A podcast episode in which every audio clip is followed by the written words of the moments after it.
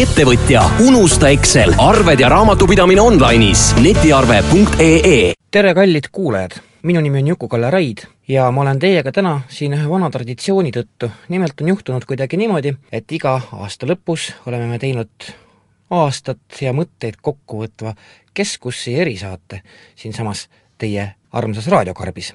nii ka seekord. kaks tundi järgnevat toob teile koju külla neli, vähemalt minu jaoks väga olulist ja põnevat inimest. Nendeks on kunagine ajakirjanik ja praegune kirjastaja Enno Tammer, kes on saanud hakkama kangelastükiga ning teinud raamatu kakskümmend aastat Eesti iseseisvust läbi poliitilise prisma, siis on Marju Lauristin ja Ene Ergma ja on külas ka Marko Mihkelson. aga võtame siis järjekorras ja riburada pidi. kõigepealt on meiega Enno Tammer Enno, kuule, mm, sina oled äh, läbi aegade kaevanud lähiajaloos üsna tugevalt.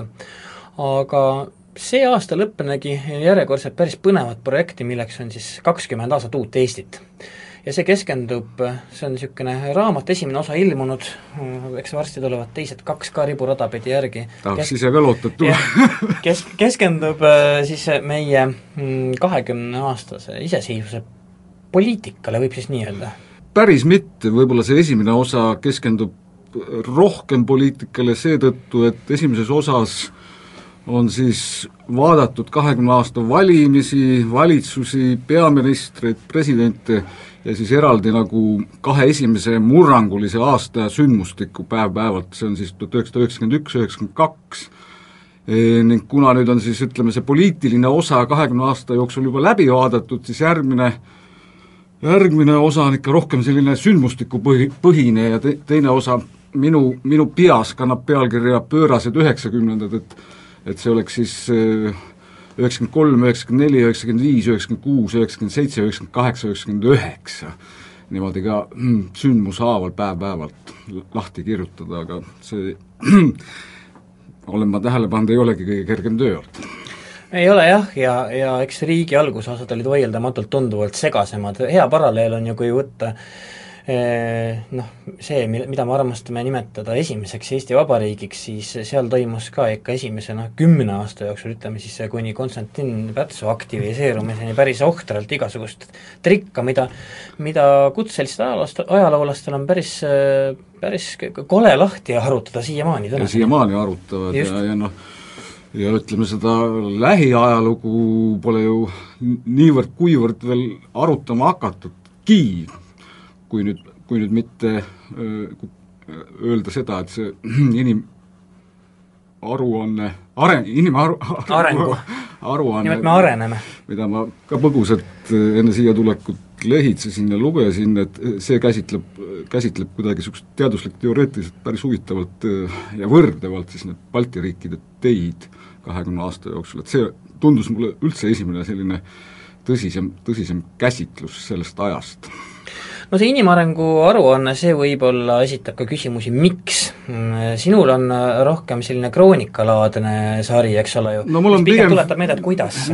fikseeringud, jah, kuigi mulle omasel moel võib-olla ma aeg-ajalt olen poetanud ka mõ-, mõne lause, kuidas kuidas midagi mina näen või kuidas mina kuidagi tagantjärgi üht või teist asja või sündmust või nähtust mõtestan, aga see kahtlemata ei ole, kahtlemata ei, ei ole selline teaduslik teo-, teoreetiline, see on, see on niisugune minu tagasihoidlike võimete piires subjektiivne, isiklik sel, sellel ajal, millest sinu see esimene köide kakskümmend aastat uut Eestit räägib, olid sa siis ütleme, tänases mõistes võib selle kohta ilmselt öelda sellise mm, ütleme, laiade masside lemmiksõna nagu staarajakirjanikke?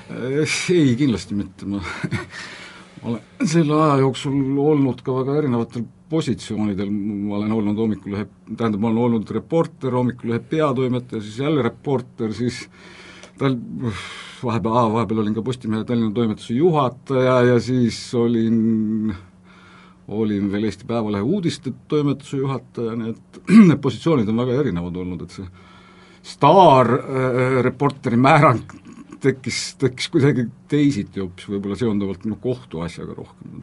jaa, ja ma tuletan lihtsalt meelde, täna me sellest rääkima ei hakka, aga ei tahaks küll, jah. jaa, jaa, aga lihtsalt kuulajale eh, seda, et, et see aga ma lihtsalt olen olnud mõt-, mõtestajana, tähendab, jälgijana kogu aeg nende sündmuste kõrval, eks ole, see on, see on küll tõsi, eks ole. noh, meelde tuleks er..., meelde tuletakse nii palju, et, et see kõik juhtus siis, kui sa Vilja Toonast Savisaart nimetasid rongaemaks ja kes äh, soputas sulgi ja äh, tegi sellest kriminaalasja, aga praegu tõesti see selleks, aga ütle mulle parem, kui me nüüd äh, lähtume sellest, et poliitika ja poliitikud on ühiskonna peegel, elik siis mõnes mõttes sellesama inimarengu peegel, aga mis valguses seda kakskümmend aastat äh, siit algusest peale, kui me sinu esimesest köitest võtame, paigutama hakkaks? poliitikuid et hinnanguid neile või, või mida seda noh, ütleme, ütleme pigem mitte nüüd, ma ei mõtle niiviisi, et me võtame, teeme su raamatu lahti ja hakkame hindama siin kõik alates äh, surnud Nugisest lõpetades no. kadunud Tiit Vähiga, aga ma mõtlen pigem äh, tendentsidest. mil moel see Eesti poliitika ja see maastik on muutunud, poliitiline käitumine näiteks? Äh, no noh, kokkuvõttes on tendentsid ju minu hinnangul piisavalt head ja, ja arukad, kuigi kuigi selleni jõudmiseks eh, on kulunud väga palju tõmblemist ja, ja pingeid ja kriise, et et kui meenutada, meenutada Viktor Tšernomõrdini kuulsat lauset, et tahtsime parimat, aga välja tuli nagu alati, siis täiesti rahulikult võib eh, Eesti öelda, et tahtsime parimat ja ikka tuli välja ka. ja tuli välja ikkagi ka sellepärast, et eh, vaatamata sellele, kes parasjagu oli valitsusjuht, oli, oli mingi selge kurss olemas ja, ja siht olemas, olid tagasilöögid, olid, olid sellised eh, seiskumised seal üheksakümnendad kindlasti väga suured vahepeal, aga see kurss ja see siht eh, valdavalt eh, ei muutunud. ja noh, täna vaadates siis see kurss ja siht on muidugi ju ka õige olnud, see on meile toonud, toonud edu, mis siis, et ütleme seal üheksakümmend viis vähib teine valitsus, mis koosnes siis Koonderakond ja Maarahva Ühendus pluss Keskerakond algul, tundus, tundus algul ikkagi sellisena, et ta võib-olla hakkab tagasi pöörama isegi seda kurssi. Neil oli jah, neil oli, neil oli rahvuse süüdnimi Vahvad autobaasimehed, seal oli Tiit Vähi autobaasi direktori staatusest, mis, mis ta seal oli? mäletatavasti oli ka selle valimised võitnud Koonderakond ja Maarahva Ühenduse üks esimesi seaduseelnõusid, mis nad käiku andsid, oli Maarahva poolt eh, esitatud eelnõu erastamise ajutisest peatamisest, mis oli tol hetkel, mis oli tol hetkel ikka nii jabur eelnõu, et isegi president, Lennart Meri juhtis sellele tähelepanu, aga aga Eestil läks selles mõttes hästi, et äh, Edgar Savisaarel oli suur lindistamishimu mis omakorda tõi siis lindistamisskandaali ja selle mis tõi selle, et ta läks garaaži peitu mõneks ajaks ja ei, ei suutnud vett sogada. tõi selle, selle valitsuse suhteliselt kiire, kiire lagunemise, et õigupoolest me ei saanudki ju näha, et kuhu, kuhu nad oleks oma valitsemisega jõudnud, kui nad oleks valitsenud neli aastat, nad valitsesid õnneks vähem, vähem kui aasta. ja noh, teistpidi minu hinnangul ja, ja hästi niisugune iroonilis-, sarkastiliselt öeldes Eesti rahval tõepoolest vedas sellega, et Edgar Savisaarel see lindistamishimu oli, et pärast seda lindistamisskandaali mm, tekkis ju poliitikasse niisugune täiendav, täiendav nähtus või täiendav fenomen, et et valimised äh, alati, mis järgnesid, olid suunatud ka otsapidi selle vastu, et jumala eest ei tuleks Edgar Savisaare juhitud Keskerakond valitsema mis omakorda tähendas mingisugust ühtsemat löögirusikat seal nii-öelda paremal, paremal tiival, kuigi paremal tiival ka omavahel kõvasti anti kogu aeg ja antakse siiamaani, eks ole, kaasa arvatud aastal kaks tuhat üksteist, kus on kus on selge, et IRL ja Reformierakond aeg-ajalt ikka ju kisklevad, vaatamata sellele, et nad on valitsenud, valitsenud pikka, pikka aega. Aga teatav niisugune ühtsus, et kõik olid nagu ikkagi selle vastu, et Savisaar pääseks võimule ja minu tagasihoidlikul hinnangul on sellest, sellest kasu ka olnud, et ta päris otseselt ei ole võimule pääsenud, et need, need lühikesed sutsakad, mis, mis on tehtud seal nullindatel et need nagu ei olnud nii olulised, et oleks suutnud midagi rööbastelt ära pöörata. no Tallinn püsib siiamaani sita no, näitena. No ütleme nii, et kuidagi on see poliitikaga läinud nii, et, et et on vist suisa nagu omavahel kokku lepitud, et la-, la-, las ol-, las olla tal siis parem Tallinn, eks ole, kui kui riik, aga noh, eks see Tallinn, Tallinn on tema käes ka selgelt sellepärast, et kohalikud valimised erinevad Riigikogu valimistest sest selle poolest, et kohalikel valimistel saab nii-öelda muu, muukeelseid rohkem valimas käima. Lasnamäe saab bussidega jaoskonda viia. just.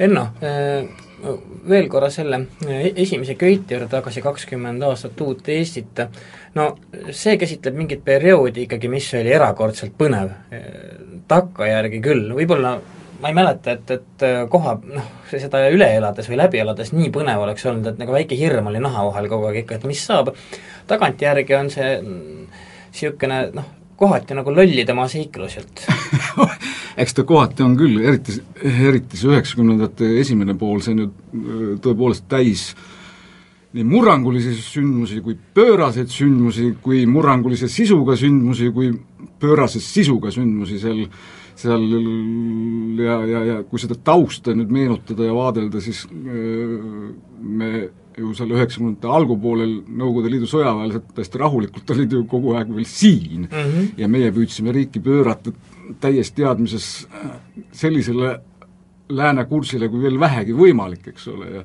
sellest ju veel üheksakümmend üks, üheksakümmend kaks, üheksakümmend kolm olid pidevad, pidevad konfliktid, rääkimata rääkimata siis veel oma meeste ehk siis jäägrikriisist, mis veel ka lisandus, nii et Kirde, mis toimus Kirde-Eestis üheksakümnendate algul, seal oli pidev selline podin, podin, mis oli täiesti plahvatusohtlik. kuni siis jah, Kirde-Eesti autonoomia väljakuulutamise soovideni. refer-, referendumi kava ja mm -hmm. mingid Vene žurnalistid taidlesid seal ju tohutu innuga edasi-tagasi ja Laar mingites oma meenutustes on ju rääkinud suisa sellest, kuidas Ein-, to-, toonane Kaitseväe juhataja Einsil oli valmis sinna Kirde-Eestisse kaitseväge sisse viima ja, ja need, see sü-, sündmustik on pöörane, see sündmustik on huvitav ja, ja, ja noh, kui seda suuta korralikult lahti kirjutada, siis ma oleksin ise väga rahul selles mõttes, et ta peaks olema tõesti veidi selline isegi seiklusjutuline tõepoolest. no aga lõpu, lõppude lõpuks ütleme, tänase jutuajamise lõpuks võid sa ju tõdeda, et, et ühe, ühest küljest on see elukene meil ju igavam, virisetakse juba selliste, ütleme, asjade üle, mis ei noh, siis ei oleks nagu virisemisi, ma ei tea, mõtetki pähe toonud. aga see noh, rahulikum ja igavam. No alates no nullindad on kindlasti taltunum aeg, kui nüüd nii-öelda see pronksiöö välja arvata, mis on, mis on märkimisväärne sündmus, aga noh, see, et see pronksiöö minu meelest sai üldse juhtuma, on ikkagi väga palju põhjust selles, et et seda armsat mehikest ei suudetud üheksakümnendate algul sealt ära viia, oleks ta seal, selle üle juba siis vaieldi, selle üle vaidles siis toonane peaminister Laar toonase Tallinna volikogu juhti, tähendab volikogu esimehe Tiit Vähi ja, ja Tallinna linnapea Jaak Tammega, et need oleks nad suutnud selle vaidluse rahulikult ära teha ja selle pronksmehikese ära viia, siis kindlasti see kataklüsm, mis oli aprillis kaks tuhat seitse, oleks jäänud, oleks jäänud olema. Niisiis oli meiega Renno Tammer, me teeme pisikese pausi ja nii kaua siseneb Marju Lauristin. Tere tulemast siis tagasi kuulama Ajalehe Keskus aastalõpu erisaadet. Enne pausi oli meiega Enno Tammer, aga nüüd on mul au presenteerida tõsiselt vinget mutti, nagu lubasin, mutt käärikult tarkade inimeste poolt armastatud Marju Lauristin. Marju Lauristin, need, kes äh, ei ole detsembri äh, keskussi lugenud, kus on siis nii sinu kui Ene Ergma mõt-, mõtisklused Eesti inimarengu aruandes, siis äh, neile võib-olla meeldetuletuseks, äh, on üks täiesti teistsugune aruanne, mida sina seekord toimetasid ja nimelt sellepärast, et see tõesti ei hõlma mitte ainult Eestit nagu varasemad, vaid siis niisugust suuremat geograafilist areaali, Balti riike. miks ühtäkki nii, kas siis meiega on kõik nii selge või tõesti oli vaja mingit äh, koordinaadistikku teist, teistsugust, et tõde enda kohta paremini välja tuua? no üldiselt on alati ju huvitavam midagi vaadata võrdluses ja kui me nüüd sellel aastal kavansime seda Eesti inimarengu aruannet, siis muidugi üks väga oluline taust oli ka see kakskümmend aastat iseseisvuse taastamisest.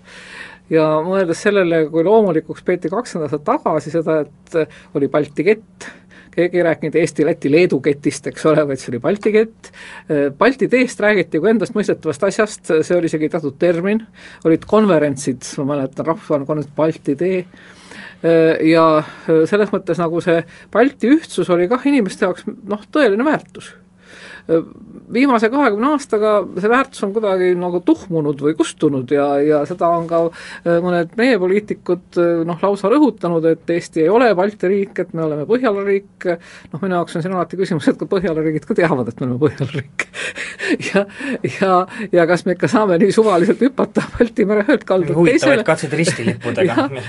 noh, me teame, et Soomel võttis ikka hirmus palju vaeva ja aega, kui teda hakati Põhjala riigiks tunnustama ja mulle tundub, et siiski paratamatult me oleme ka muu maailma silmis endiselt ikkagi Balti riigid ja meid võrreldakse niikuinii. ja selles mõttes on me endale ka siiski vajalik see, see võrdlus teha ja mitte ainult siis sellisel viisil, nagu me armastame öelda, et me oleme paremad kui lätlased, või et me oleme hoopis teistsugused kui leedulased. Äh, vaid sotsiaalteadlased saavad ju tõesti, võttes statistika, võttes võrdlevad uuringud, küsida, kui palju me oleme siis ühesugused ja kui palju me oleme siis teistsugused.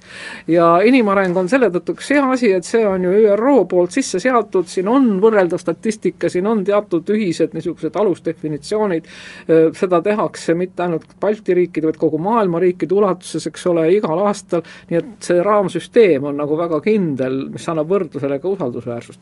nii et noh, meie jaoks oli see tõepoolest endale ka niisugune huvitav küsimus, seepärast et eh, jõuda sellistest eelarvamuslikest hoiakutest, emotsioonidest mingisuguse nii-öelda numbritega tõestatud pildini, see on sotsiaalteadlasel alati kõige põnevam mm. -hmm. no ennem, kui ma äh, veidikene peatun, mis äh, asju see see niisugune brošüür ja niisugune no, uuring noh jah, ta on päris raamat jah, ta on, näeb jõle välja, sellepärast ma ütlen brošüür.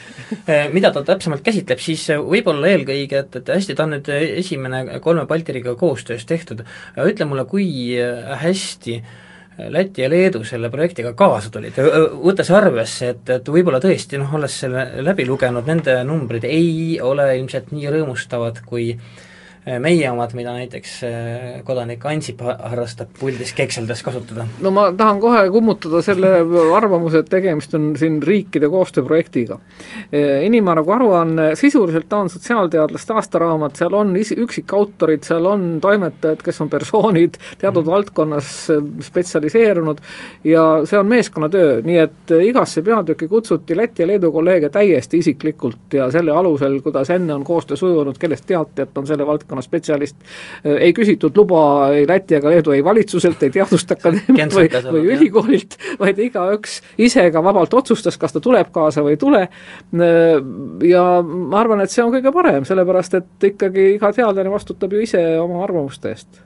no see raamat koosneb kaheksast peatükist, ma kuulajale loen nad ette, äh, siin räägitakse ühisest ja erinevast Balti riikide siirde arengutes, siis rahvastikumuutustest, elueas ja tervisest on teine punkt, kolmas peatükk siis sotsiaalpoliitikast, äh, tööturust ja elanikkonna subjektiivsest heaolust, neljandas peatükis haridusest, viiendas keelemaastikest ja inimkapitalist Balti riikides, kuuendas peatükis siis poliitilisest arengust, seitsmendas peatükis Balti riikide äh, lõimumisest viimasel kahel aastakümnel ja siis tulevikustsenaariumitest omavahelisest omavahelisest just nimelt Balti riikide lõimumisest.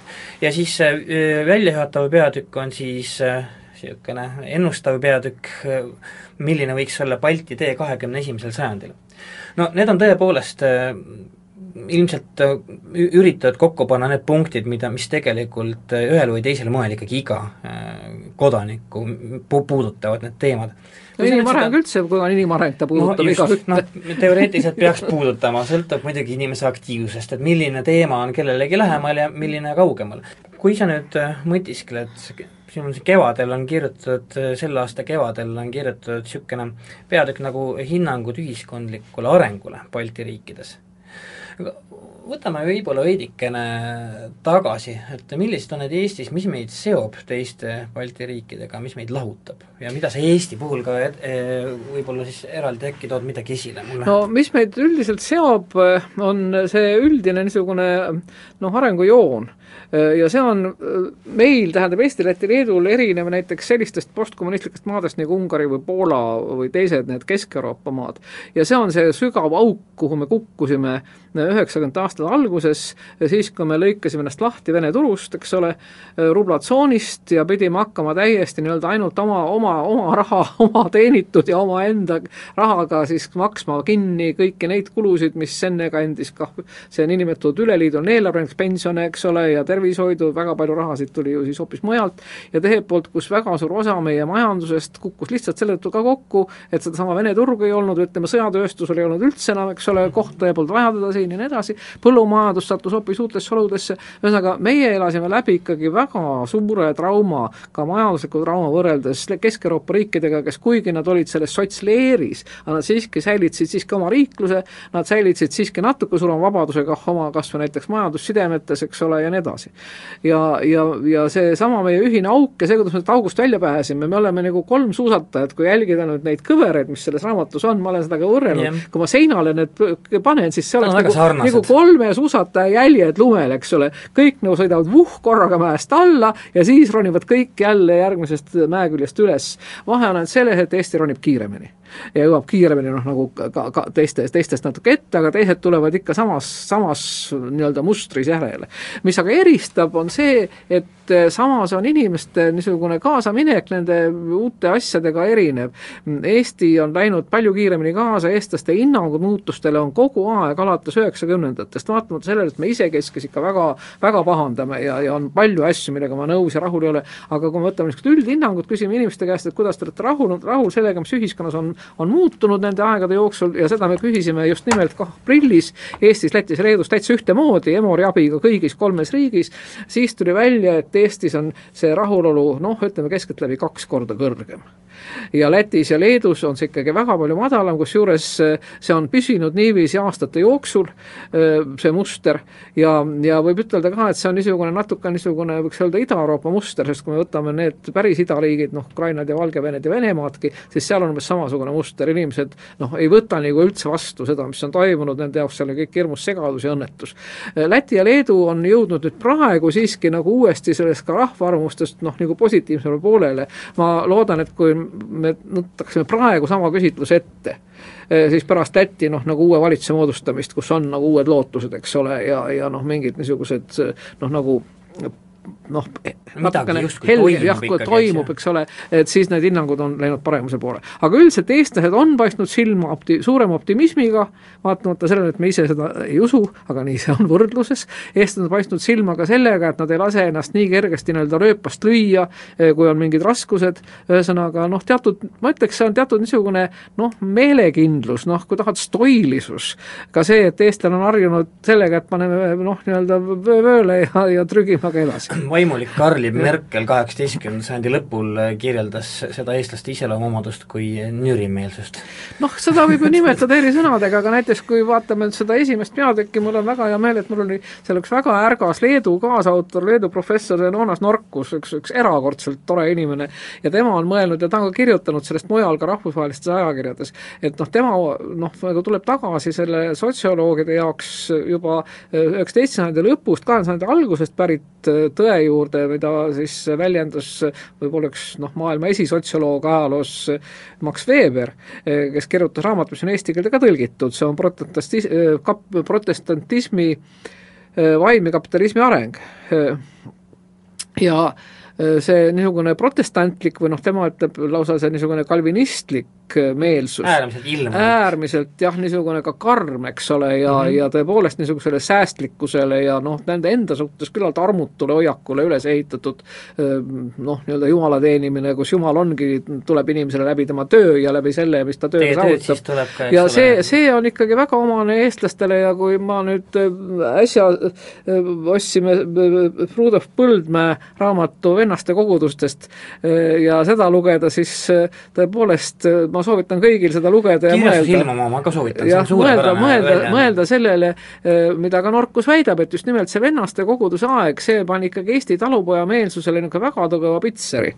rahulolematuse juurde tagasi pöördudes, siis mingi, mingil määral on ju ennast ise vaadates, ikka tunne meediat vaadates, et inimesed on väga rahulolematud ja kui noh, kuidagi emotsionaalselt mõnikord tundub, et see rahulolematus suureneb, samas need numbrid just nimelt, millest sina siin räägid, näitavad, et, et see asi ei ole nii hull midagi. ainult võrdluses, ainult võrdluses, võrdluses. Lätiga, Leeduga, Ukrainaga, Valgevenega, Bulgaariaga, Moldaaviaga, aga mitte võrdluses Soomega, Rootsiga, Saksamaaga ja Taaniga, kus üldine rahulolu tase on püsivalt kuskil noh, kaheksakümne, üheksakümne ligi, meil on ta kuuskümmend, kuuskümmend viis, eks ole, seal niiviisi. nojah, ja, ja, ja siis, kui me toome selle ka, et, et eestlane on äh, kuidagi harjunud olemasolevast kinni hoidma mitte nii võib-olla väga irisema, ühesõnaga, see rahulolu tajumine on äärmiselt subjektiivne subjektiivne asi. inimene on subjekt, seepärast no, ta on ka subjektiivne. just, aga kõike, mis on väga subjektiivne, see kipub ka noh, mitte väga kindel olema, vaid väga kõikuma, nii et, et kas on nüüd põhjust väga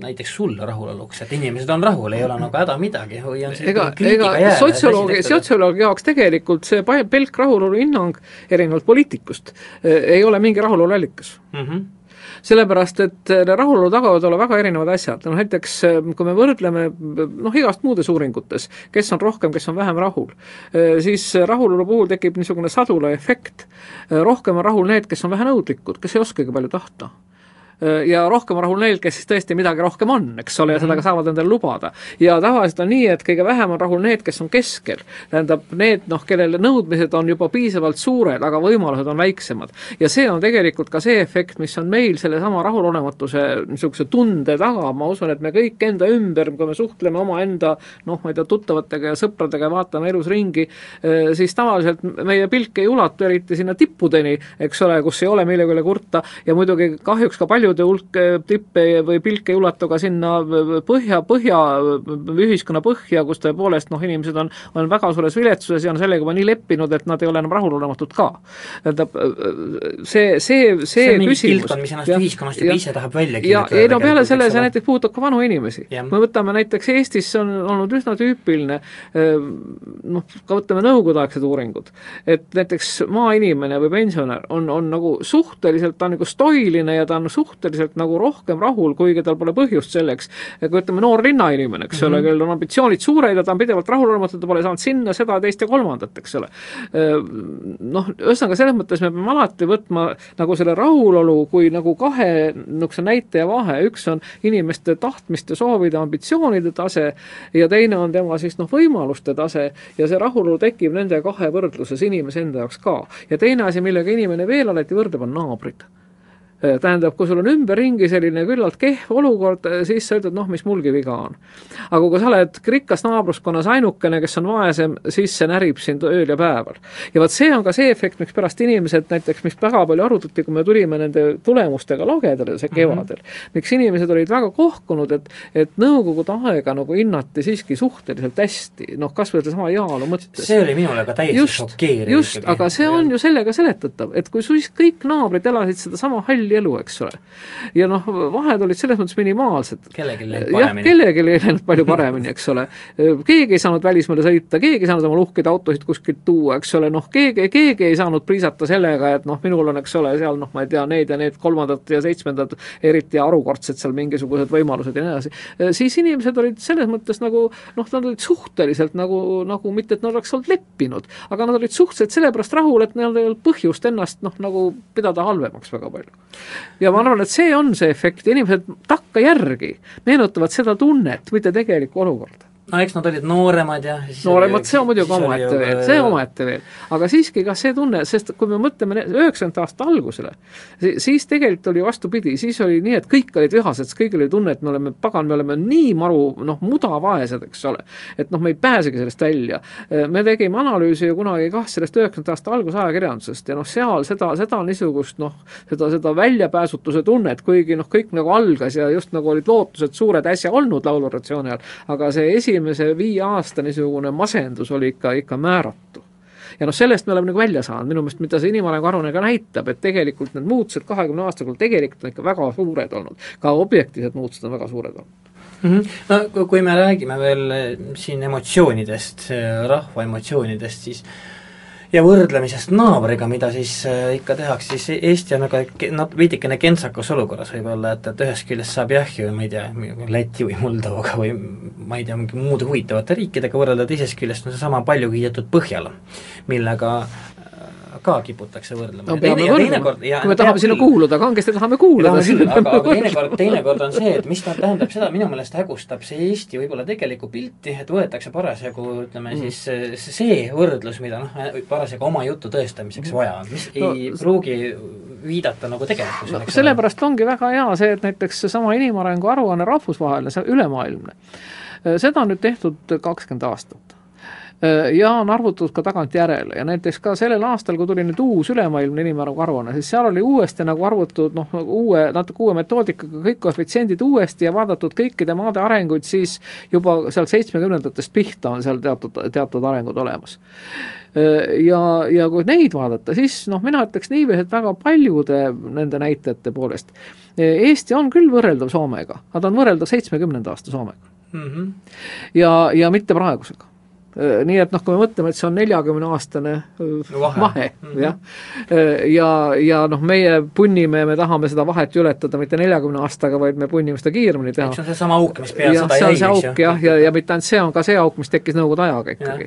nii et, nii et ühesõnaga, võrdlus on väga oluline, aga võrdlusel on olemas ju alati mitte ainult ruum, et me võrdleme teisega, kus, kes on mujal, vaid ka aeg, me võrdleme mingi kindla punktiga ja selle tõttu meie arengud on olnud teises ajaskaalas ka olnud Põhjamaade arengud, meile ikka see viiskümmend aastat sisuliselt just nagu noh, ta jäänud päris vahele, sest siin toimusid ka omad arengud, muide ka majanduses toimusid ja linnastumine toimus ja nii edasi. aga need toimusid, esiteks nad toimusid teisel viisil ja noh, seda sotsiaalteadlased nimetavad ka selleks arengupatoloogiaks, haiguseks mingis mõttes, see oli haige mingis mõttes see ühiskond, ja, ja, ja teiselt poolt nad toimusid ju palju aeglasemalt ja, ja mõnes valdkonnas ei arenenud üldse, oli tagasi, tagasiminek, suur tagurpidi areng. peale pausi jätkame Marju Lauristiniga mul on stuudios Marju Lauristin, ise olen Juku-Kalle Raid, kuulame edasi aga teine kange kosmosemuts peale sinu nimelt Ene Ergma. Äh, mina Kal... nüüd kosmosest ei tea midagi no jah, aga äh, ütleme lokaalsest kosmosest seest väga palju, nii et, et teine kosmosemutt siis sinu või kosmosemuti käest äh,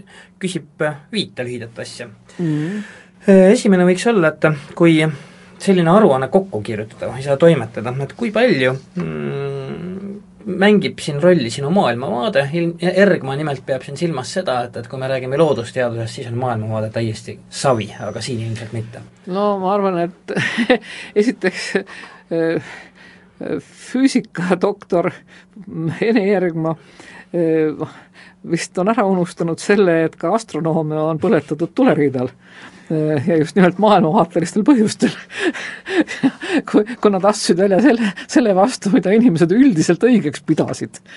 Äh, ja äh, ma arvan, et ka maailmavaate mõiste üldse on palju laiem, kui on see niisugune poliitiline ideoloogia, ma kardan, et me peame siin kõigepealt, nagu ikka teadlased omavahel, ka energiaga mõistetes kokku leppima.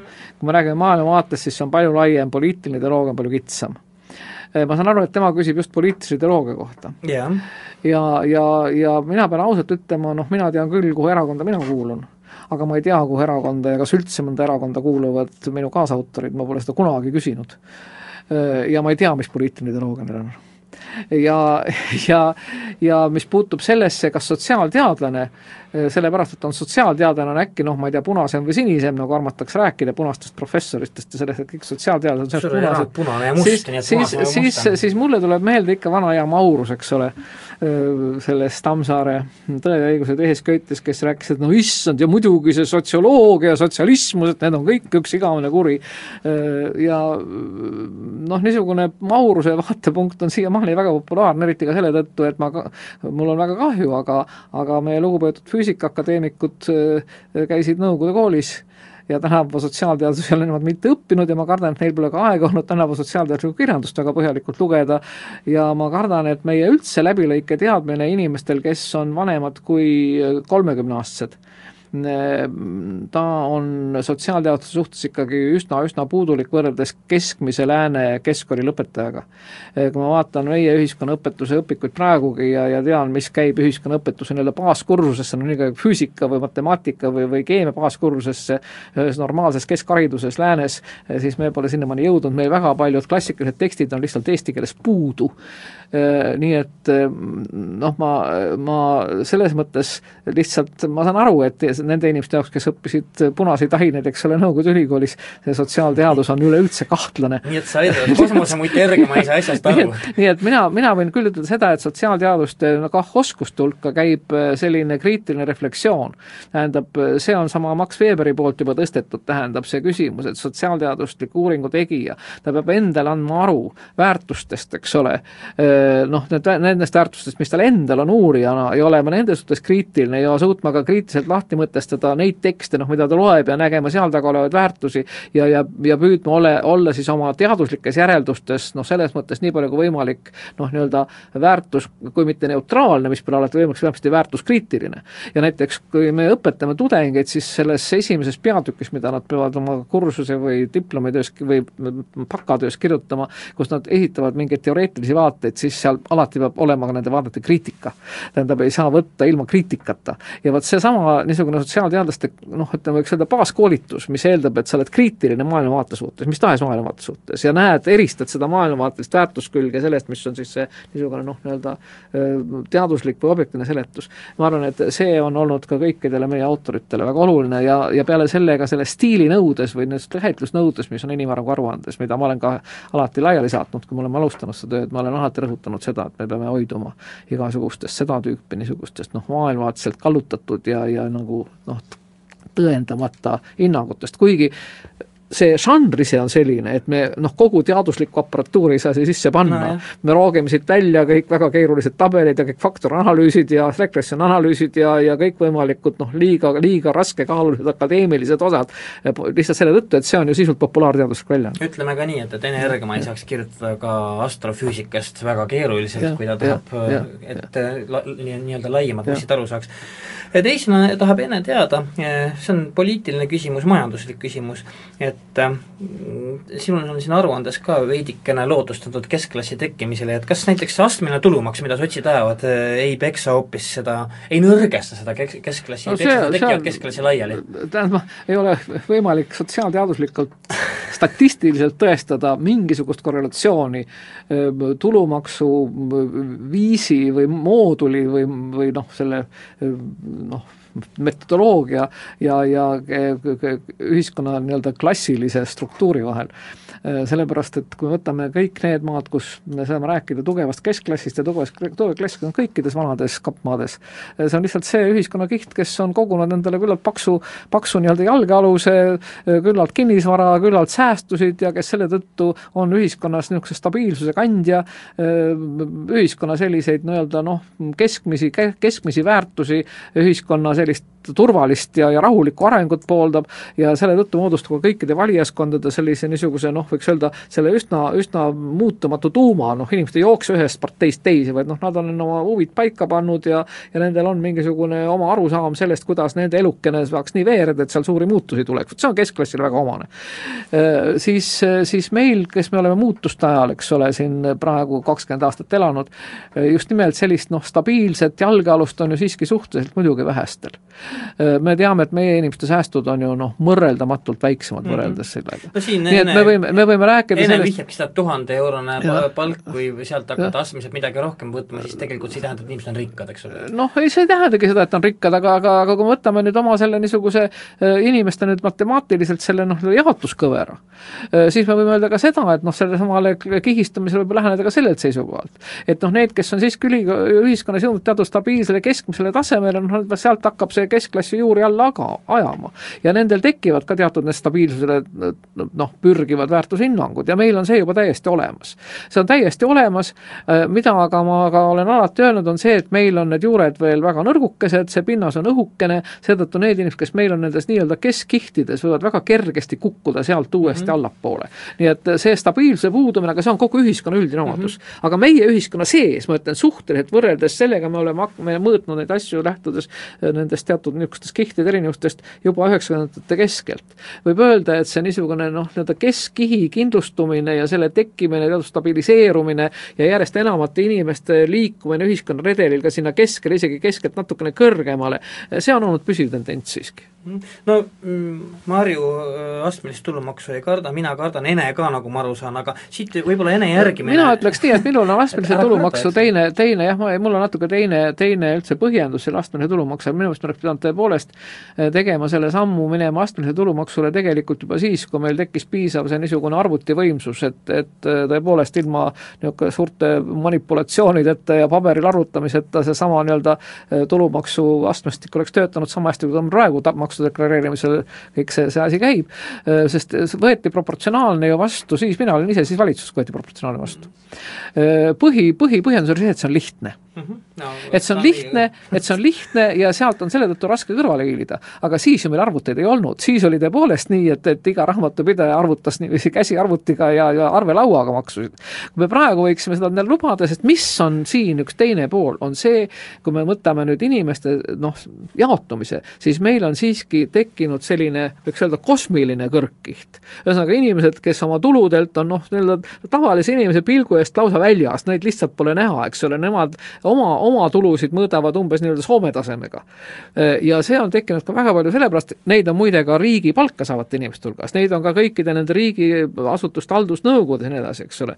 et, et meil ei ole seda kaant peal meil oli kaant peal, mis tegelikult ka puhtpsühholoogiliselt ja ka puhtmajanduslikult võtab inimeselt ära selle, selle noh, nii-öelda ahnuse, selle, selle, selle soovi saada sama töö eest või samas asutuses ikka rohkem ja rohkem ja rohkem niiviisi, et, et noh, nagu see niinimetatud tulemuspalk, eks ole, järjest kasvaks, meil on neid lisasid väga palju tekkinud, igasugu sellist manipulatsiooni ja, ja seda tegelikult tasandab ju kah astmeline tulumaks, mis võtab ära selle marginaali soovi, selle, selle lõpp, lõpp, selle niisuguse saba üles kõrgitamise soovi. minu meelest see oleks oleks tervendanud meie ühiskonda küll, kui meil oleks Enel see saba lõikamine Enel on, Ergmal on siin väike lisand, et, et kuidas sulle tundub, et kui me võtame tänase demograafilise olukorra üleüldse Euroopas, eks ole, majanduslik vananemine ja nii edasi ja, ja kui me vaatame seda siis näiteks kas siis Põhjamaade süsteemi tahta hirmsasti, see, kas see ei käi absoluutselt no ikka noh, ikka absoluutselt üle jõu, Põhjamaadele endale ka juba, sest nemad on kukkunud oma kapitali siiski palju parematel aegadel hästi pika aja jooksul. noh, ma ütleks, et Põhjamaad on siiski praegu maailma konkurentsiredeli tipus vaatamata sellele raskele heaolukoormale, mida nende inimesed kannatavad, et nad peavad tõepoolest kannatama seda, et neil on head pensionid ja talumatult hea arst- no, ja koolisüsteem. kas sinna, kuidas sinna praegu, praeguses situatsioonis ilmselt on väga raske saada? no saada on tõesti raske ja tähendab, see on ju selge, et, et täpselt sellist süsteemi enam ei teki. ja jällegi ma pean ütlema, et sotsiaalteadlased, ka Põhjamaade sotsiaalteadlased, sest sotsiaalpoliitika on ka teadusharu, muide tegelevad nende küsimustega juba nelikümmend aastat ja sellesama süsteemi analüüsiga ja põhjamaise heaolumudeli variatsioonidega ja, ja nii edasi ja nii edasi. Äh, ja, ja tõepoolest siin kõik need küsimused, kas seesama vananedes pensionisüsteem peab vastu ja see on, need on kõik küsimused, mis ju on tekkinud, eks ole, tõesti viimaste aastakümnetega. ja neid teadvustati veel siis, kui me olime raudse eesriide taga.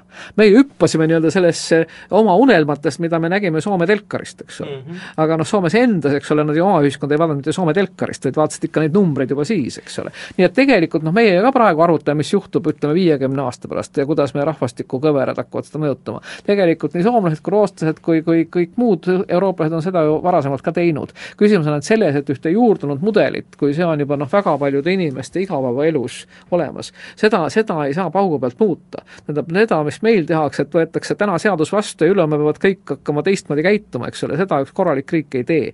näiteks pensioniseaduse muudatus võetakse vastu kolmekümne, viiekümne aasta peale ette mitte ja no meil ei olnud seda võimalust ja, ka anna, ja, annanud äh, au. no ja ei olnud, ja ei olnud, ei olnud seda kah nii päevakorral, tähendab mm -hmm. sellepärast meie oleme siin selles samas inimarengu aruandes äh, ju püstitanud selle küsimuse, me tuleme selle juurde ka siis, kui me äh, konverentsil arutame siin sedasama järelejõudmise võimalust. et tegelikult ilmselt ikkagi sünnib mingi selline, võiks öelda noh, Balti heaolumudel, mis, mis ei ole Põhjamaade oma, mis võtab Põhjamaadelt nii palju noh, kui, kui on võimalik ka teatud väärtuste mõttes, noh inimliku suhtumise mõttes ja sama teatud solidaarsuse mõttes, aga mille tegelik realisatsioon on siiski ilmselt teistsugune, jah mm. -hmm. ja, ja, ja, ja on selge ka see, et selline Põhjamaade mudel on võimalik ainult Põhjamaal mm. -hmm. sellepärast, et Põhjamaade üks eripära on see, need on väikesed, kompaktsed rahvusriigid see on ju Põhjamaade mudeli alus. see, et seal, jah, see, see on ju seal seotud sellega, et seal ka nii-öelda keskmise ja suurema sissetulekuga inimene hea meelega maksab ühiskassasse, sest et see rahvas tunneb ennast ühe perena see on nende mudeli alus olnud, tea, sellest on ka räägitud mm. -hmm. ütle mulle, Marju, mis sa ütled selle noh, lõppeva kahe tuhande üheteistkümnenda aasta kohta? no eks see on olnud üks raske aasta ja, ja mulle endale on ta olnud muidugi raske ka selle tõttu tõesti, et, et noh, tööd on olnud hirmus palju ja sellesama inimarenguga on olnud väga palju mässamist, no inimesed on üldse kõik väga palju pingutanud. noh, teistpidi noh, ma ütleks niiviisi, et, et see raske aasta, see pingutamise aasta, ta tõesti näitas meile kõigile, et me tegelikult pingutada suudame et noh, me tegelikult ei ole veel selles niisuguses noh, lõbusas tarbimisühiskonnas ikkagi nii sees, et et kui, kui tõesti äh, aeg ja olukord nõuab, et me, me ei suudaks ennast kokku võtta. Ja mina arvan, et just nimelt see niisugune raskuste aasta teistpidi annab mingit, mingit meelekindlust ka edaspidiseks. aitäh Marju Lauristinile, teeme nüüd pisikese vaheaja ja saate järgmises tunnis on külas Marko Mihkelson ja kosmosemutt Ene Järgma. kohtume peagi. hea kuulaja, Juku-Kalle Raid jätkab ajalehe Keskus aastalõpu erisaate teist tundi. ja teisel tunnil on meil kaks külalist, kui esimesel tunnil olid meil külas Enno Tammer ja Marju Lauristin, siis nüüd on meil au kohtuda nii Marko Mihkelsoni kui ka Ene Järgmaga.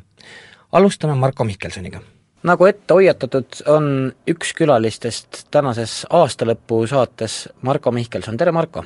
tere! sa oled siin Kuku raadios tavaliselt lobisemas käinud välispoliitikast. Mm, see on ka üks ajend, miks ma sind täna siia kutsusin, et äh, sina, kes sa oled sellega harjunud, võib-olla siis Eesti kohaga maailma välispoliitikas, räägiks pisikest äh, muud juttu. mulle tundub välispoliitikaga endal niisugune äh, naljakas asi, et eriti peale Václav Haveli surma suri äh, mõnes mõttes väikeriikide lootus. kas see võib äh, tõele vastata?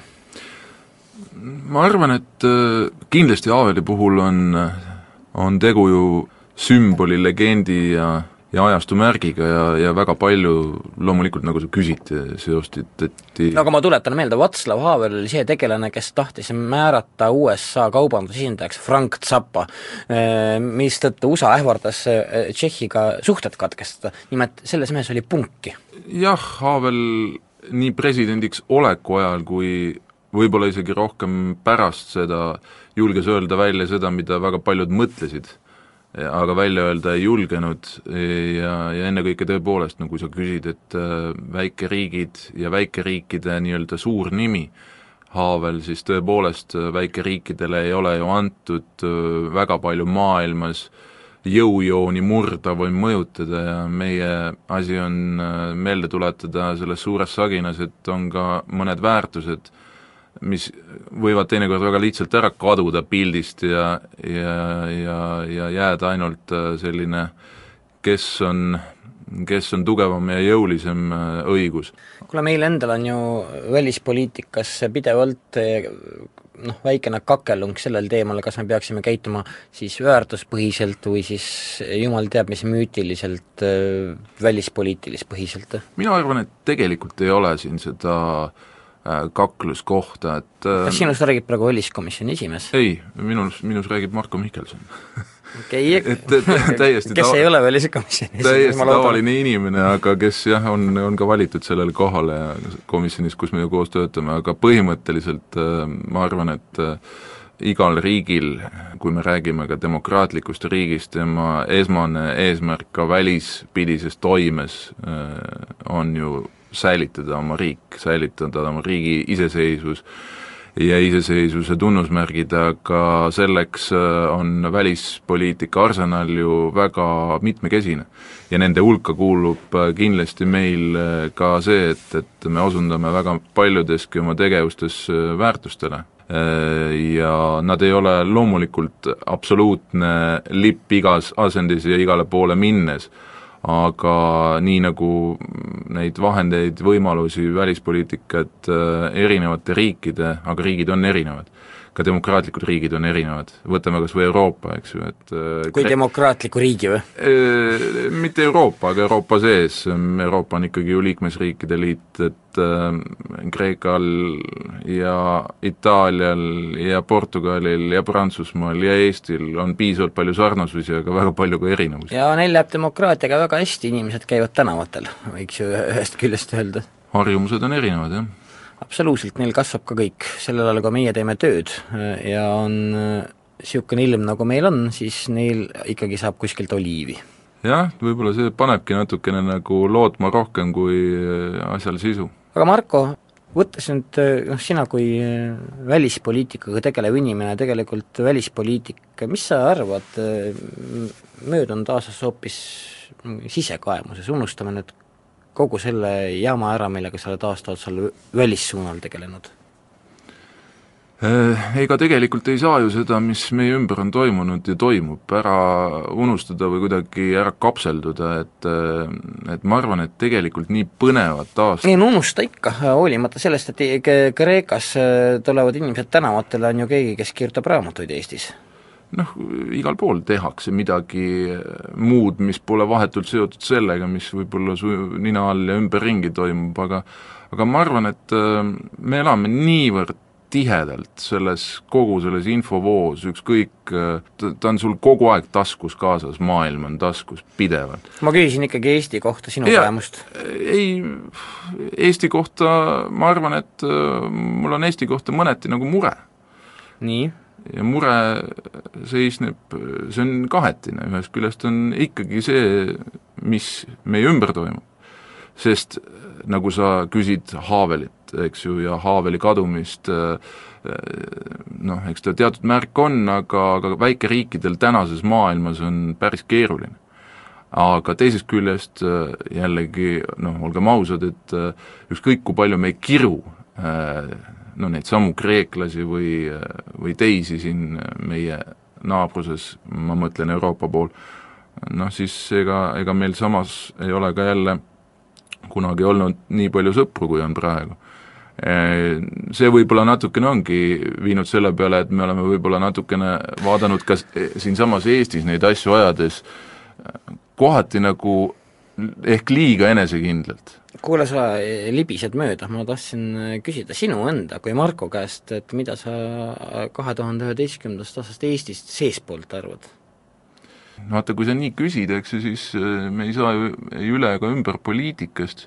no võime saada küll, see on juba sinu valik. jah, ei loomulikult on, aga, aga kuna nii palju tähendab, sul ei ole teist elu, ma saan aru? on ikka, teine elu on ka kolmas elu ja neljas elu. sellest teisest elust siis natukene. Äh, jah, ei no tegelikult äh, kui sa, kui sa nii küsima paned, siis on, äh, päris paneb mõtlema.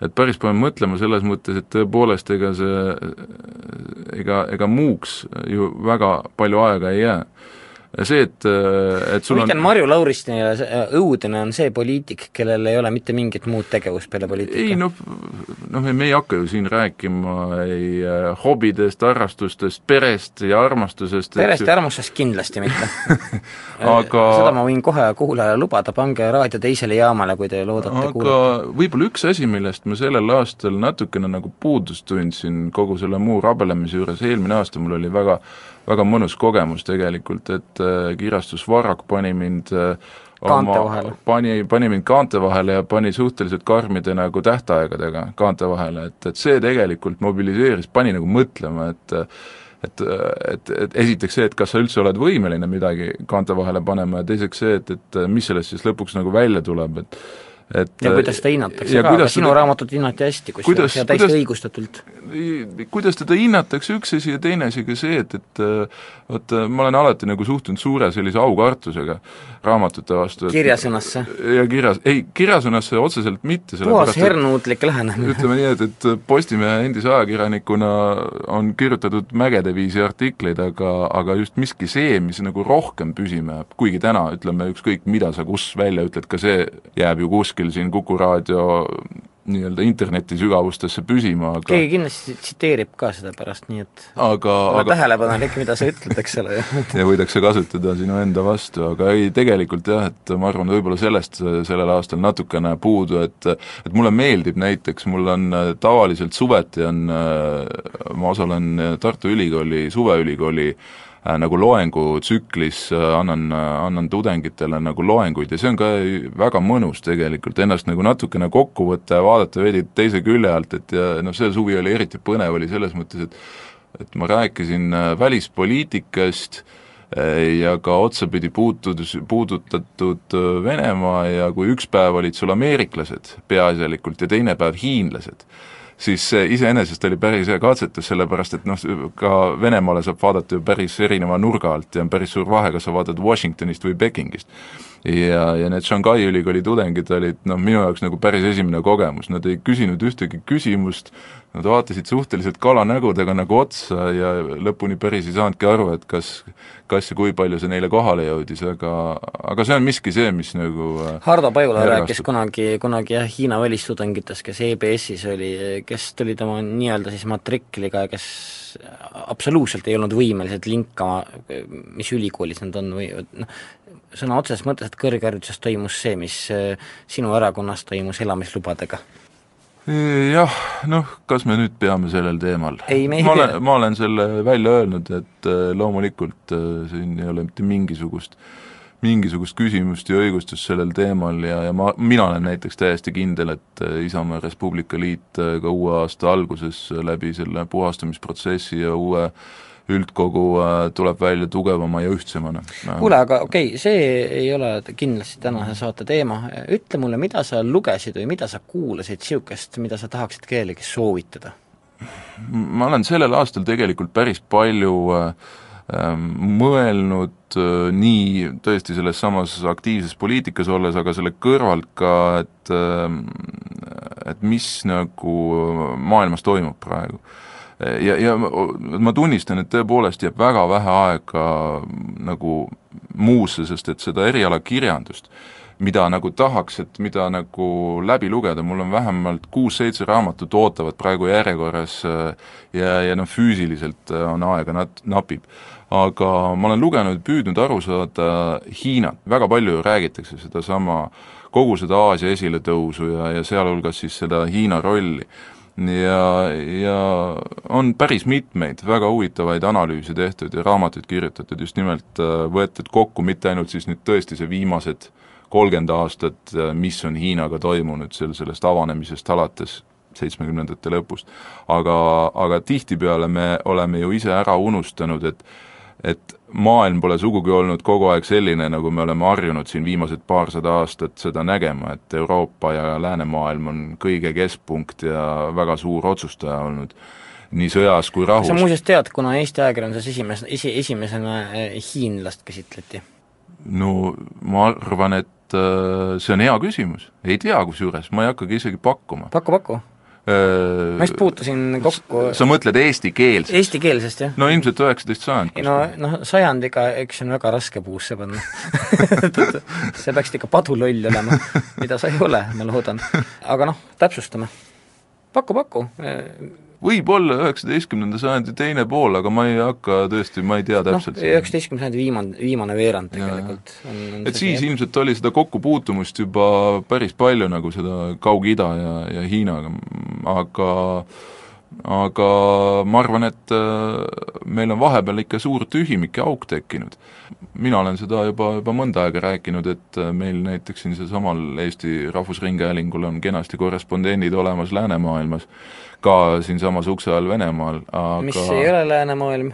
aga mis ei ole jah, aga mis meie jaoks on paraku päris oluline, et äh, ma usun, et on viimane aeg mõelda selle peale, et paremini aru saada, ma ei ütleks, et sinna peaks tingimata Pekingisse kohe nagu ajakirjanik saatma, aga siin, seal võiksid ajakirjanikud käia küll. ma olen iga aasta lõpp äh, teinud oma blogis äh, nagu aasta sellist aruande. sündmuste mingisuguse enda jaoks mingi pingerea ja on olnud aastaid, kus on tegelikult päris noh, on, on tulnud mõelda, et mis need kümme asja on, mis nagu no ma arvan, et äh, sellel aastal võiks rahulikult panna kakskümmend äh, ritta ja nad kõigid, kõik omavad väga suurt tähendust.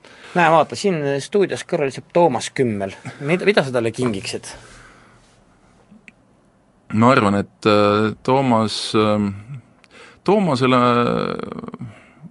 kuna ta on selline kõigist asjadest huvitav inimene ja, ja ja ka ja tema oskab oma aja ja mõistusega hakkama saada? jah, ma arvan, et äh, talle ma isegi kingiks äh, ausalt öeldes oma raamatu, sellepärast et Toomasega me olime, või õigemini me sattusime koos tegema asju Tšetšeenias ja ja ma arvan, et äh, ta sellest näeks nii mõndagi noh, mida ta ise nägi ja, ja oskab palju, palju enam veel juurdegi rääkida. sõbrad, kinkige oma ligimesele Marko Mihkelsoni raamat aitäh, Marko, sulle! aitäh! ja noh, ma loodan, et vähemalt sama huvitavat, võib-olla kuigi tegelikult tahaks öelda, et veidikene igavamat järgmist aastat. hea kuulaja, enne pausile minekut tuletan meelde, et inimene, keda kuulasime, oli Marko Mihkelson ja peale pausi tuleb siia kohe Ene Ergma.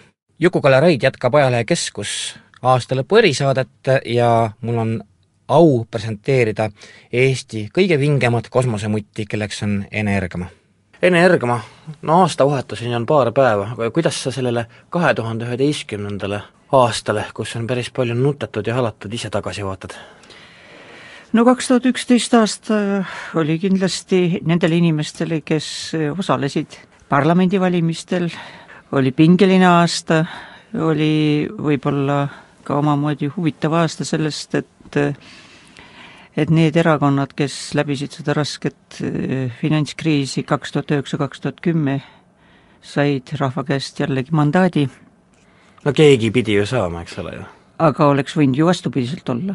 näete, Hispaanias toimusid valimised, need erakonnad ei saanud ma-, mandaati, tähendab midagi ikkagi, oli selge, et inimesed uskusid, et tol ajal tehti tehti raskeid ja väga valusaid otsuseid ja ega nende otsuste tegemine ongi üks, üks asi, et eh, mina mõtlen alati niisuguse talurahva mõistusega, et kui sa elad, loomulikult sa võid võtta võlgu, aga sa pead väga hästi ka teadma, kuidas see võlg tagasi maksta. sest võlg ei ole, võlg on ikkagi võõra oma ja, ja võlaga peab tegema tarku asju mm. -hmm, no talupoja mõistusega akadeemik, Ene-Ergma, raha on ikkagi noh, jah, on ta nüüd hea või halb, et ei, raha on aga, aga ta on vajalik, eks ei, ole. ära, ära hakka mulle seletama, et ma, ma püüan rääkida, et ilma rahata on väga tore elada. aga ma räägin ka seda, et see ei ole kõige, kõige tähtsam, et raha eest sa ei saa kõike osta, sa ei saa osta näiteks inimeste inimeste suhtumist. fakt, aju ka ei saa osta? aju sa sai osta, ei saa mida, see on, sa ei saa endale isegi osta isegi tervist. võtame, võtame ju geniaalselt äh, iPadi, paadi tegijad. Steve jo-, Jobs või Jones. Jones, jah. jah. ta, ta ole-, ta oleks võinud ju pool maailma kokku osta. viskas lusikanurka. jah. nii juhtub. no eh, nii palju siis võib-olla elanikkonna subjektiivsest rahulolust, noh, on tõesti sellised äh, asjad, mis panevad inimesed tundma, et nad elavad riigis ja, ja ja ausalt öeldes äh, noh, kui kui aeg-ajalt jälgida ja kuulata näiteks ka raadiost nagu Vox Populi taoliseid saateid, siis võiks küll mm, arvata, et see statistika rahulolust riigiga on küll hoopis teistmoodi, nagu näitab siin Marju Lauristini poolt koostatud statistika. üldiselt tundub, et äh, eestlased ei ole Eestit maha kandnud. ma kindlasti arvan, et ei ole ja, ja ma arvan, et on ka üks asi, meie mälu hakkab äh, juba kustuma, me unustame ära, kust me tulime. mina olen rääkinud algusest peale, ma ei ole olnud poliitikas ju kogu aeg, nii nagu paljud võib-olla minu kolleegid praegu Riigikogus.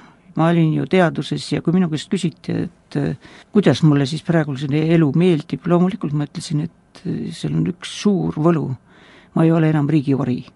inimesed, kes on elanud Nõukogude Liidus, saavad sellest aru inimesed, kes olid äh, tõelises orjuses, tähendab, mina, mina näiteks mind aastast tuhat üheksasada kaheksakümmend kuni kaheksakümmend kaheksa ei olnud mul võimalus külastada ühtegi väljaspool Nõukogude Liitu teaduskonverentsi. mind ei lastud välja. nojah, ja riigiori tänapäeval äh, on harrastatakse nii-öelda New Age'i korras rääkida pangaori olemisest. kuigi no. minu meelest on seal suur vahe, sellepärast vabandage väga, see on suhteliselt vabatahtlik, vabatahtlik asi, kas sa võtad endale selle orjuse kaela või mitte. loomulikult, loomulikult, siin on ju see, et riik ei ole sulle ju peale surunud, et võta nüüd Just. see kaela. loomulikult me lasime natuke võib-olla jah, ma arvan, et me olime lihtsalt väga nagu, nagu vasikad, kes lastakse kevadel karjaaeda. vasikad dollari põllul. jah, me, aga pangad olid ka väga, väga nii meelitavad, tulge, tulge, tulge, no isegi mulle räägiti, et helistati koju, et võta veel laenu mm. -hmm. aga sa võtsid ühesõnaga? mina võtsin laenu, jah, ma, ma olin ka üks, üks niisugune, ma, ma olen ilmselt majanduslikult väga ebamõte. poleks pidanud võtma, jah? ei, ma võtsin laenu, aga ma kalkuleerisin täitsa täpselt kindlalt, et kuidas ma selle saan ka ära tasutud. ja mul ei ole enam laenu, ma olen kaks korda võtnud laenu ükskord, sest ei ole võimalik endale näiteks korterit isegi korda teha. ja teinekord ma võtsin laenu, kui ma ostsin endale natuke suurema korteri, sest mul on, ma olen veel vanamaaline inimene, mul on väga palju raamatuid. Need võtavad ruumi, ma tean omast käest. jah, need võtavad ruumi, aga mulle meeldivad raamatud. nii on me siin raamatute ja, ja, ja pisut pisku viitega teadusele jõuame ühe asja juurde, millest on ka see aasta räägitud, teadmistepõhine Eesti mis sa nüüd sellest arvad, kõrgharidusreform on ju meil noh, siiamaani kusagil, no jumal teab, kus ta on, aga kusagil ta kusagil udus ta justkui vankleb, teadmistepõhine Eesti on niisugune asi olemas või oli see mingi no ütleme, helesinine unistus, mis kipub lõhki plaksatama?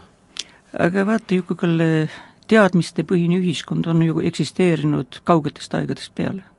no selge, et kõik ei saa olla lollid, eks ole? ei, mitte sellest teadmised on ju anti edasi, et isa andis pojale edasi teadmisi, kuidas maad künda, kuidas küttida, ema andis tütrele edasi, kuidas lapsi kasvatada, kuidas peret hoida, aga mis on nüüd vahe?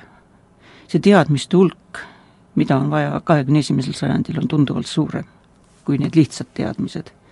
ja vot see on see suur vahe. no kuidas me toime tuleme sellega? ja ma ütlen niimoodi, et näiteks isegi praegult on võib-olla lapsed õpetavad oma vanemaid mõningates teadmistes, eriti mis puudutab arvuteid ja nii edasi. aga see tähendab seda, et me peame aru saama, et need minimaalsed või miinimumteadus, teadmiste hulk ei ole enam küllaldane, et me saaksime elus edukalt edasi elada, edukalt. et me saaksime küllalt head palka, et me saaksime oma, tähendab, kuhu me tahame minna, et enamik Eesti inimesi oleks kuuluksid nõndanimetatud keskklassi, mina olen tõeline keskklassi pooldaja. see on mm -hmm. alustala, riigi alustala.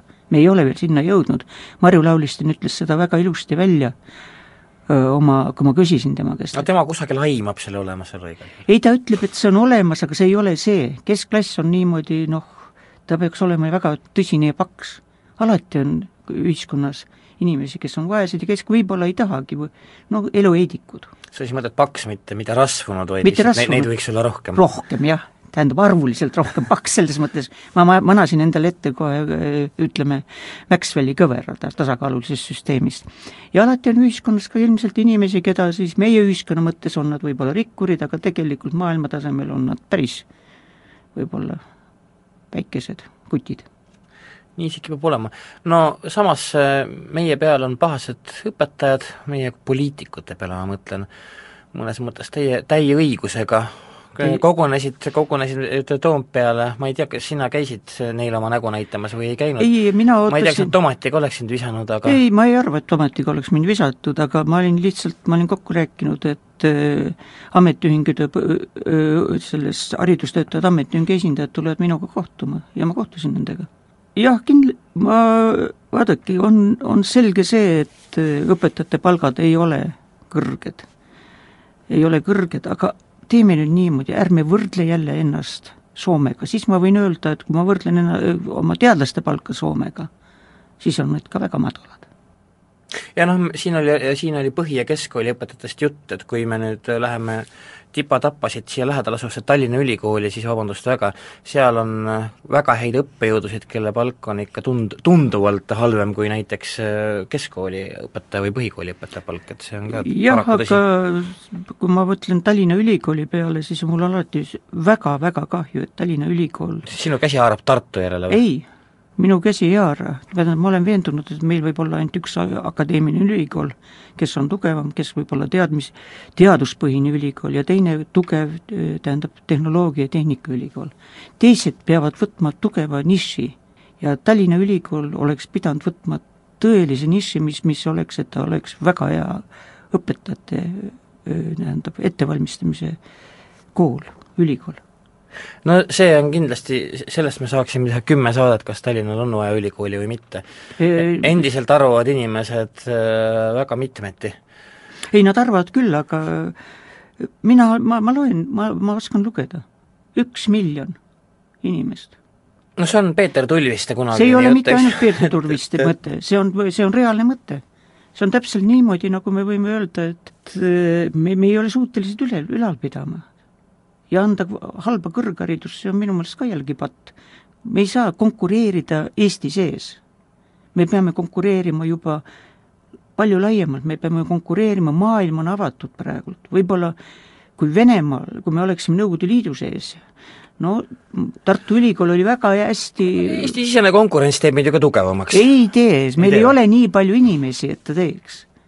saad aru, selleks peab olema väga palju inimesi, meil ei ole neid inimesi aga kuidas sa tunned, kas, kas õpetajad on tõsiselt ära pahandatud?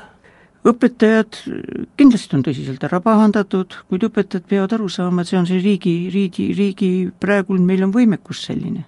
meil on ju palju teisi kohti ka, kus on inimesed pahandatud võib-olla mm, -hmm. politseinikud, päästetöötajad ja nii edasi. aga me ei saa ju esimesel aastal kõike seda teha kõike, kõiki lubadusi, me oleme võtnud endale kindla lubaduse, et õpetajate palk on, saab olema kakskümmend protsenti kõrgem Eesti keskmisest, aga see juhtub kahe tuhande neljateistkümnendal aastal, kui ei juhtu midagi katastroofiliselt üldse kogu maailmas. jah, no see on tõsi muidugi, hiromandid ei ole me keegi. me ei ole hiromandid, me ei saa ju niimoodi, et midagi öelda, et noh, et kui me teaksime täpselt, et meil kõik kogu aeg läheb ilusti üles, kõik, kogu maailm on rahulikult edasi. me elame praegult väga keerulises maailmas ja, ja seda enam, et tegelikult õpetajad on ise ka öelnud, võib-olla sealsamas platsil, kus ma ringi tolknasin ja mõnedele neist kohvi viisin, oli ka juttu palju sellest, et palgas ei olegi võib-olla kõige suurem probleem, vaid koormuses üldse. jah, ma arvan, et kindlasti see on koormus, on üks ja vahendid, et kui nad peavad oma vähesest palgast, eks ju, ostma õppevahendeid, siis on ja, küll kole lugu. ja üldse, no me peame siiski võtma ja ütlema ausalt, et ega kui laste arv on nii palju drastiliselt vähenenud, see koolivõrk ei ole meil see vastavalt sellele, mis on praegu laste arvuga. ma mäletan veel, kui ma alles tulin eh, Riigikokku ja oli see enne, kui me läksime Euroopa Liitu, siis ma sõitsin väga palju erinevates kohtades ringi. ja kuskil Läänemaal ühes vallas ma nägin imeilusat koolimaja, üle, äsja just ära remonditud, niisugune to-, tore maakoolimaja väga fantastiline. seal oli kuus õpilast, jah? ei, nad ütlesid, seal Tänavaste vallas ei sündinud ühtegi last mm -hmm. saad aru, siis seitse aastat hiljem ju juba praegult juba siis esimeses klassis ei ole enam ükski laps no see on nukker ja loll jah, et ja., et, et kui niisuguseid asju, kui võetakse mm. mõtlemise asemel kõigepealt kellu.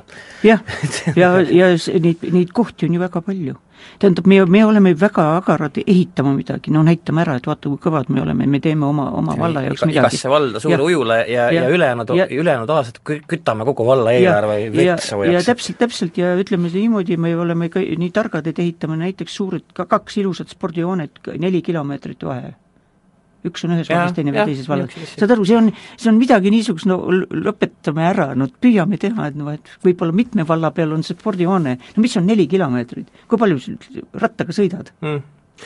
Ene, kuule, eh, Hardo Pajula ütles mõni aeg tagasi, et päeva lõpuks saavad meist kõik, meist kõigist siin Euroopas kreeklased. sa sellest arvad, see on ju päris, päris ogar või noh, jah, ogar perspektiiv ei, ma arvan, et et Põhjamaade inimesed siiski ei saa. ja tead, milles, tead, mille pärast, ma olen seda nüüd rääkinud, mille, mis on vahet ütleme, Põhjamaa, vähemalt ma ütlen eestlaste ja kreeklaste vahel, ma olen alati vaadanud kreek-, ütleme, eestlaste, muinaseestlaste tähistaevast ja kreeklaste tähistaevast.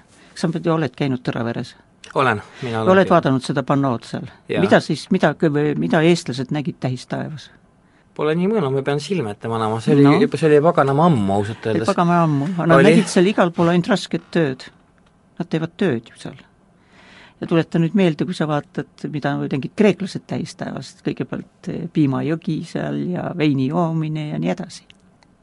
jaa, jaa, see on, see on tõsi, et, et meil siin aasta ringi veini ei joo. meil ei joo vähemalt, veini vähemalt oma ja punast selleks, sõsta, sa- sõstardast ja seda veini ja, mitte. ja meil on ka see, et sa pead päris kõvasti ikka rasket tööd tegema, et sul kõik asjad need kasvaksid. nii see on, kuuekümnes laiuskraad paneb asjad paika. meie jätkame nüüd kosmosemutt Energiamaga.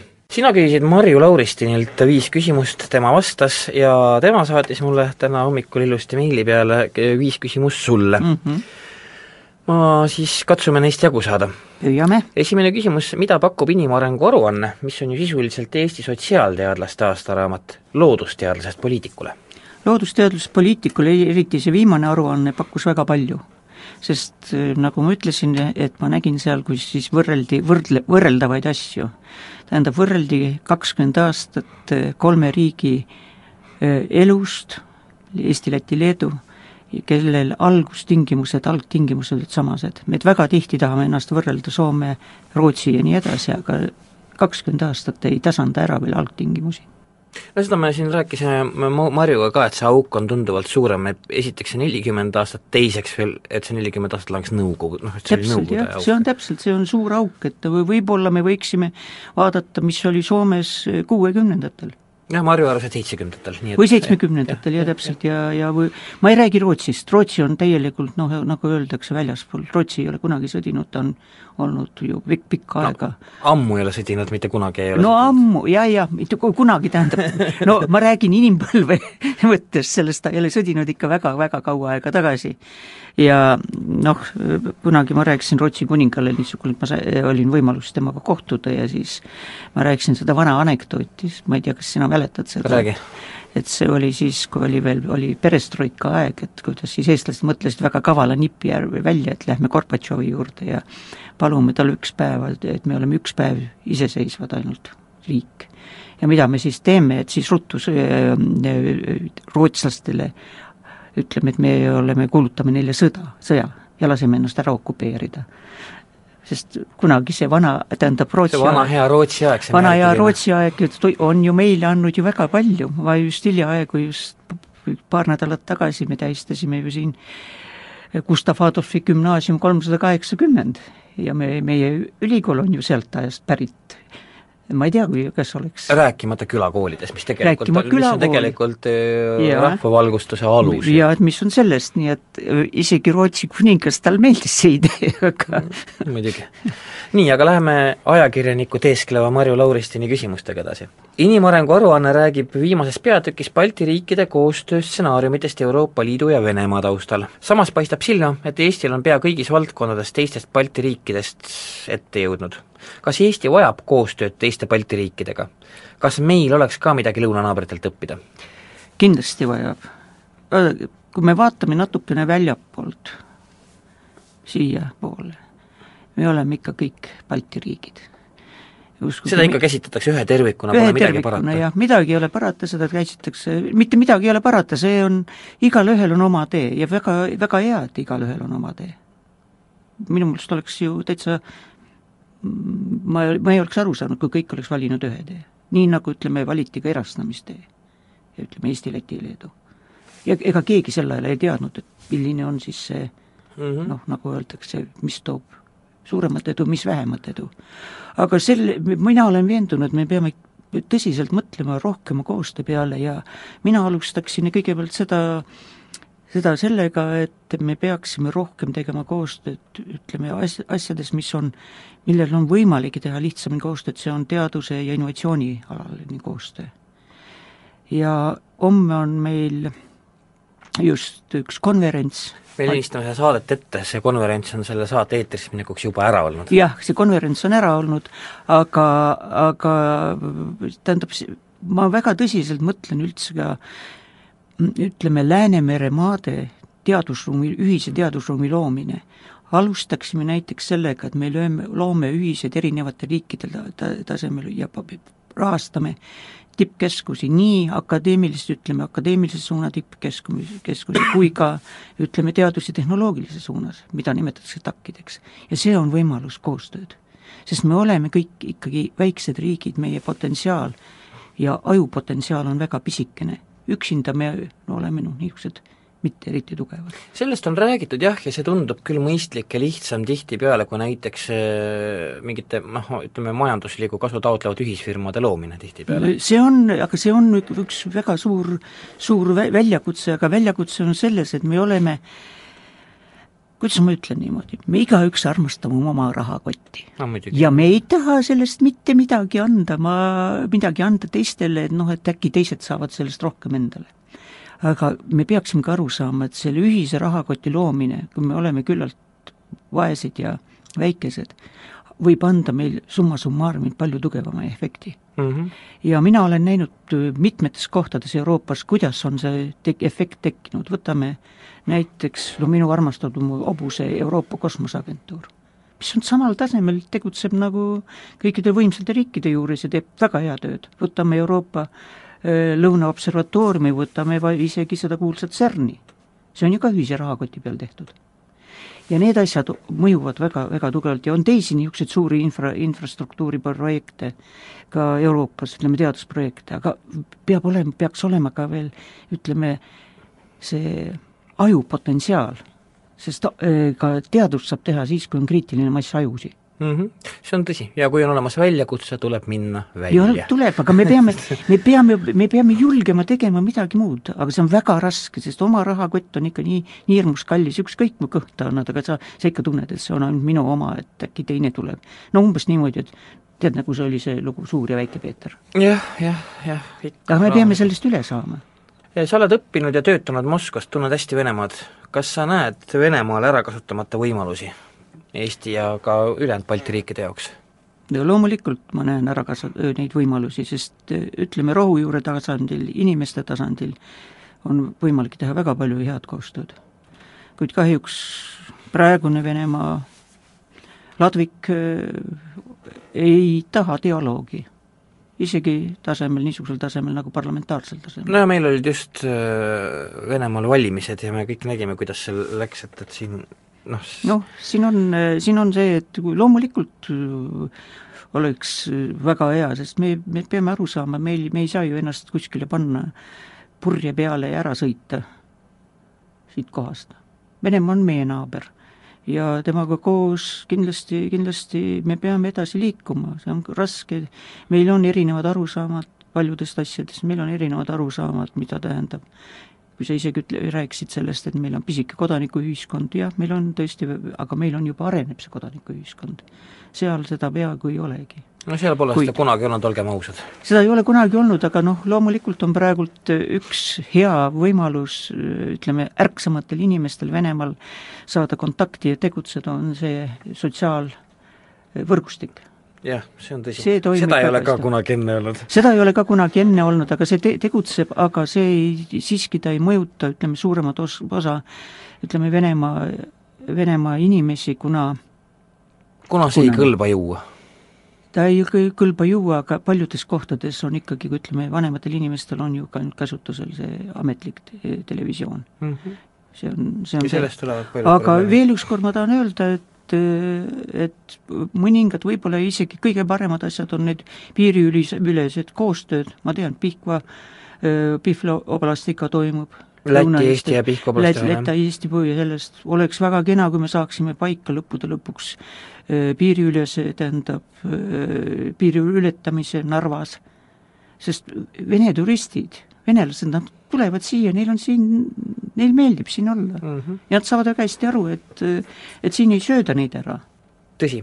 nii, Marju Lauristin ütleb järgmist. Ene Ergma küsis, ütles mulle, et meil on ülikoolis massiharidus. see on siis see koht, kus sa väitsid, et, et kui kui ülikooli võetakse vastu tasulisele kohale iga suvaline loll, siis kas oot-oot, ma ei ütle suvaline loll, noh, ära jah, see oli minu interpreteering mm. -hmm. aga ütleme, iga suvalist lolli ei võeta jah, aga, aga mõte oli selles, et kas siis Eesti kõrgharidus ei tegele diplomite müügiga, eks ole. no ma loen küsimuse lõpuni. küsiksin vastu Ene Ergmalt kui isamaaliselt poliitikult. kuidas tänapäeva maailmas teostada Jakob Hurda ideed Eesti väikerahva vaimult suureks saamisest? kas mitte just selle läbi, et suurem osa rahvast saaks kõrghariduse? Euroopa on seadnud sihiks jõuda neljakümne protsendini kõrgharidusprotsent.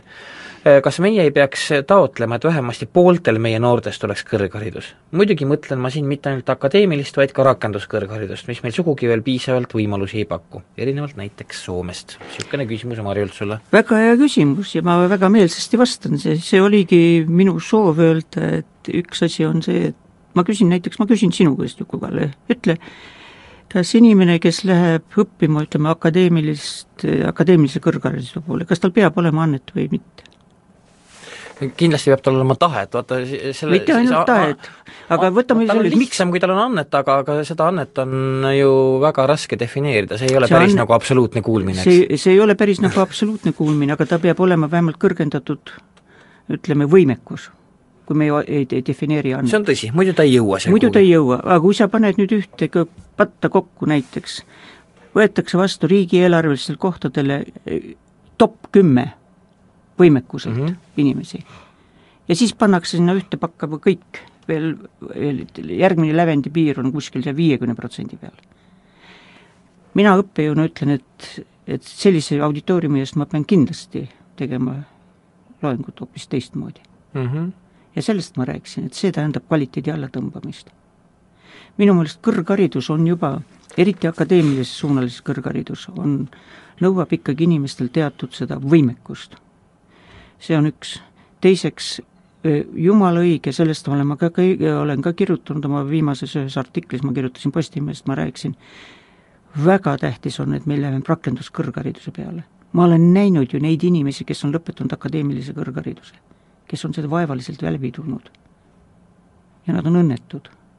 sest nende ambitsioonid olid noh, et nüüd ma, nüüd ma pean midagi omama väga, me peame olema mingisugusel väga kõrgel tasemel. aga tegelikult nad ei ole ju sellel, nende võimekus ei vastu sellele. aga rakenduskõrgharidus, ma ütlen, rakenduskõrgharidus on praegult ju ütleme, samal, samal tasemel, aga rohkem nõutakse, et inimene võib-olla oskaks rohkem teha kätega.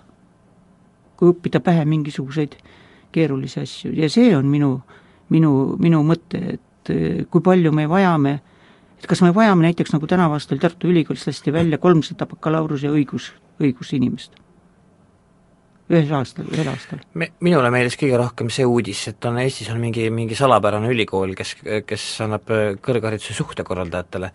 ja, ja, ja sellel aastal tuli välja üks Nokia kontsertsaalis suhtekorraldajaid, siis ma naersin küll kaua. ja aga, aga neid suhtekorraldajaid tuleb väga pa- paljudes ja erinevates meie kõrgkoolides, akadeemilistest kõrgkoolidest välja. ma küsin, kas see on akadeemilise kõrgkooli? mina näen, kui meil on akadeemiline kõrgkool, et see on teadusülikool, teadus mille põhi on teadus. ja see nõuab juba võimekust. vaieldamatult nii see on.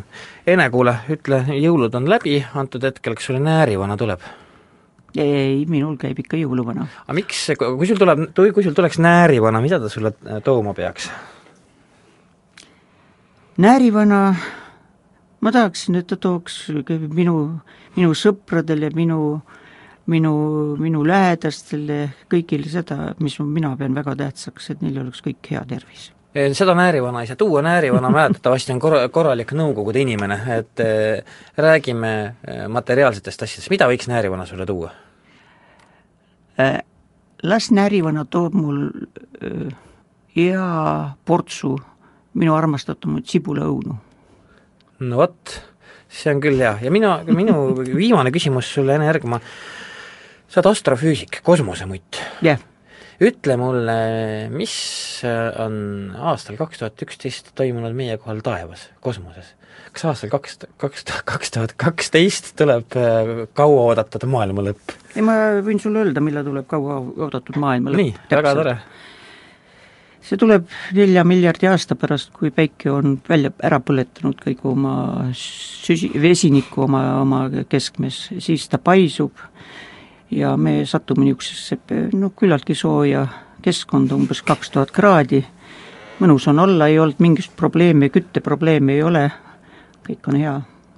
või, või me, või on ka teine võimalus, et enne seda ta hakkab kõvasti oma päikesetuul, tuule tugevust suurendama, kuskil tuleb see kümme astmes miinus üheksa, praegult on kümme astmes miinus neliteist, viis korda rohkem, ja siis see tuul puhub meid sinna kuskil Jupiteri taha, vot siis on jällegi suured probleemid. kütmisega? kütmisega, siis on väga suured probleemid, nii et maailma lõpp on teada, kas ta tuleb, kas ta lähemalt, lähemalt tuleb, see on, mulle alati meeldivad need maailma lõputeooriad, eriti mul möödunud kord kui see maailma lõputeooria oli ikka päris tõsiselt, isegi Moskvas olid plakatid üleval. kas nad protesteerisid või läksid Putinilt pikemat maailma nõudma? ja siis, siis oli, siis oli selgus, et see härrasmees Ameerikas natuke pani mööda, eksis. no mis sa teed, härra? nii et, et ei tule. aga mis on kõige tähtsam, kaks tuhat kaksteist, tead, mida ma tahaksin veel soovida no.? ma tahaksin soovida, et näärivana tooks meie toredatele poistele, kes tahavad üles lasta seda Sudengi satelliiti, natuke raha, et nad saaksid selle satelliidi üles lasta.